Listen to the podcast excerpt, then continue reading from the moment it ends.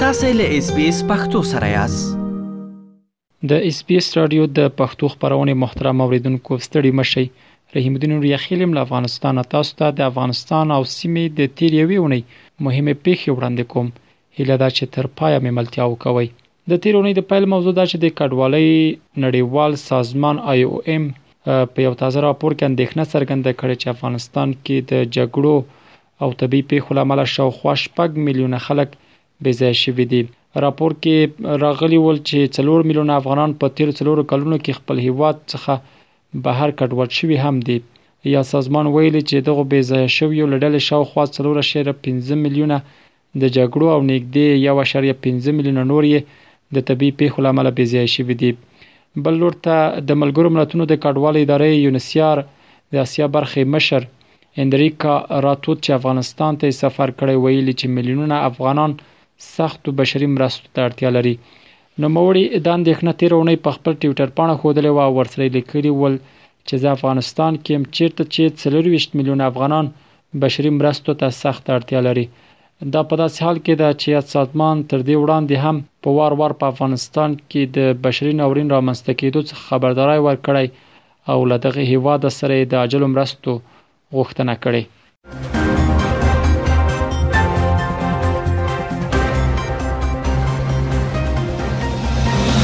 تېره اونۍ د دوشنبې په ورځ بیا د خیبر پښتونخوا په بڼو کې د پښتنو قومي جرګې په افغانستان کې د ټاکنو لارې د حکومت په جوړېدو ټینګار وکړ یا د جرګې د یوې لمې په خبرولو سره غوښتنه وکړه چې باید افغانستان کې داسې حکومت جوړ شي چې د ټولو ولسونو استازي پکې شامل وي اعلامیه کې راغلي ول چې د لوی جرګې او ټاکنو لارې د ولسونو استازي حکومت دی وټاکل شي او په زور د حکومت نیول غیر قانوني او د افغان ملت سره غداری وبلله دوی همدارس په افغانستان کې په اوسني ناورین هم خواشیني څرګنده کړه. یا د قومي جرګې د نورو مسایلو ترڅنګ د ډیورند پر کرښه د پاکستان د پوځ له لارې د اغزن تار غځول او نصبول هم وغندل. خو په ټوله کې د پښتنو یاده جرګه داسې مهال په افغانستان کې د ټاکنو له لارې د حکومت جوړېدل غواړي چې تېر کال د اګست په پنځلسمه طالبان کابل ته داخل شول چې ورسره چې ورسره د افغانستان منتخب حکومت هم نسکور شو.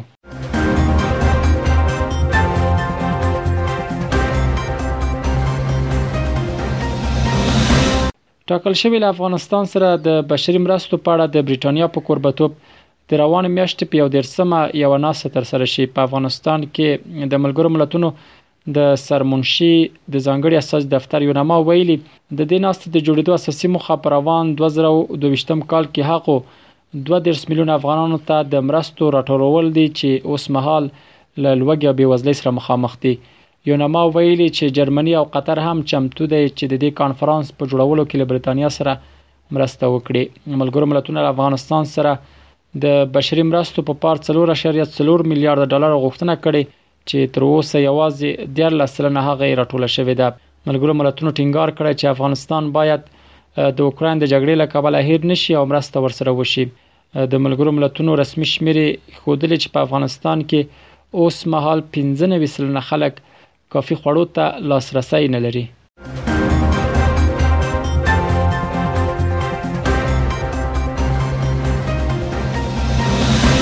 امریکا بل اخره په دغه هیواد کې د افغانستان سفارت او قونسلګری وټړلې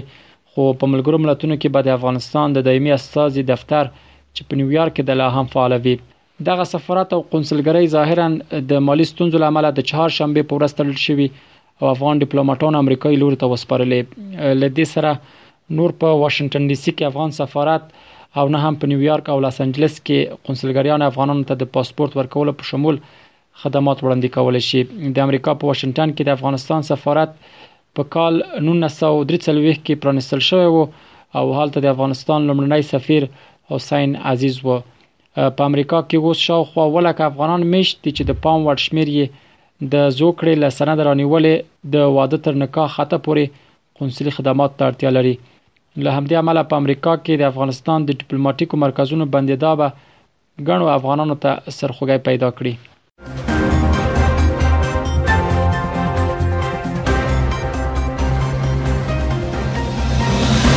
د وسلوال طالبانو حکومت کابینې بیا په خپل یو تازه اقدام کې له افغانستانه بهر شخصیتونو د راستولو په مخه کمیسون جوړ کړ. د دې کمیسون مشري د طالبانو حکومت د کارونو او پټرولیم وزارت وزیر شهاب الدین دلاور پر غاړه لري او شپږ نور غړي هم لري. د دې کمیسون دنده دا ده چې له هغه افغانانو سره اړیکې ونیسي چې له افغانستانه وتلي دي. طالب چارواکو ویلي چې په هر تتللي شخصیتونه افغانان دي او هیواد ته بیرته راتک ضروري دی دوی به ورته بلنه ورکړي چې بیرته هیواد ته راستانه شي ظاهرا دا کمیسون د هغو مشرانو د پخلا کولو په پار جوړ شوی چې په تیر جمهوری نظام کې د نفوس خاوندان و او اوس اکثره د افغانستان په ګاونډي هیوادونو په تیره ترکیه کې میشت دي طالبانو بیا دا نه دی ویلي چې افغان شخصیتونو د دوی هدف څوک دی او آیا د مخکنی حکومت چارواکي او مشران پکې شامل دي او کنه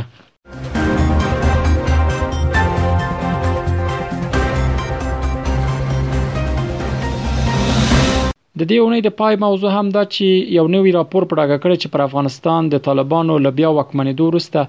په دې هیواد کې د خبریالانو په وړاندې د تاوتریخوالي کچه دوه برابره زیاته شوې دا راپور د خبریالانو مرکز او د افغانستان د آزادو ژورنالستانو ټولنې ګډ جوړ کړی د دې بنسټونو په ګډ راپور کې راغلي چې تیر و میاشتو کې طالبان پر افغانستان واکمن شوي دي خبریالانو پر وړاندې د توتریخوالي دوه اتیا سلنه پیښې ثبت شوي چې ښایي خبریالانو سره ډیر توتریخوالی طالبانو کړی البته دا د 1400 کال په لومړۍ کې یعنی هغه مهال چې جمهوریت نظام وو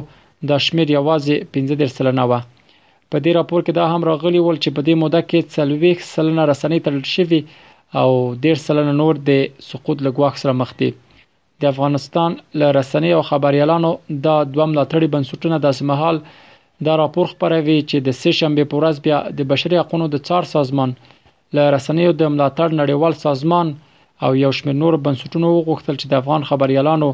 د ساتنې او ملاتړ په پار له دوی سره مرسته وکړي